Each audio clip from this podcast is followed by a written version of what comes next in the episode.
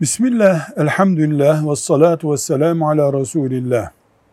Bir Müslüman olarak Allah'ın rızasını daha fazla kazanmak için bir program yapsam, işlerimi öncelik sırasına koysam, bu öncelik neler olmalı diye sorulduğunda cevap olarak diyoruz ki bir, iman en önce olmalı. İmanı güçlendiren işler bir numara. İki, Allah'ın farzları iki numara. Bu farzlarda da namaz ilk sırada, namaz farzı gibi bir farz yok. Ve diğer farzı ayın olan işler, bu ikinci numaranın B şıkkı. Üçüncü sırada da nafileler gelir.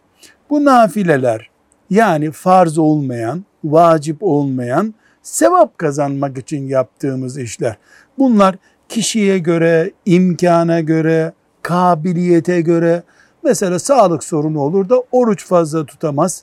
Namaz kılmaya dizlerinin takati yetmiyordur ama sadaka veriyordur nafile hepsi.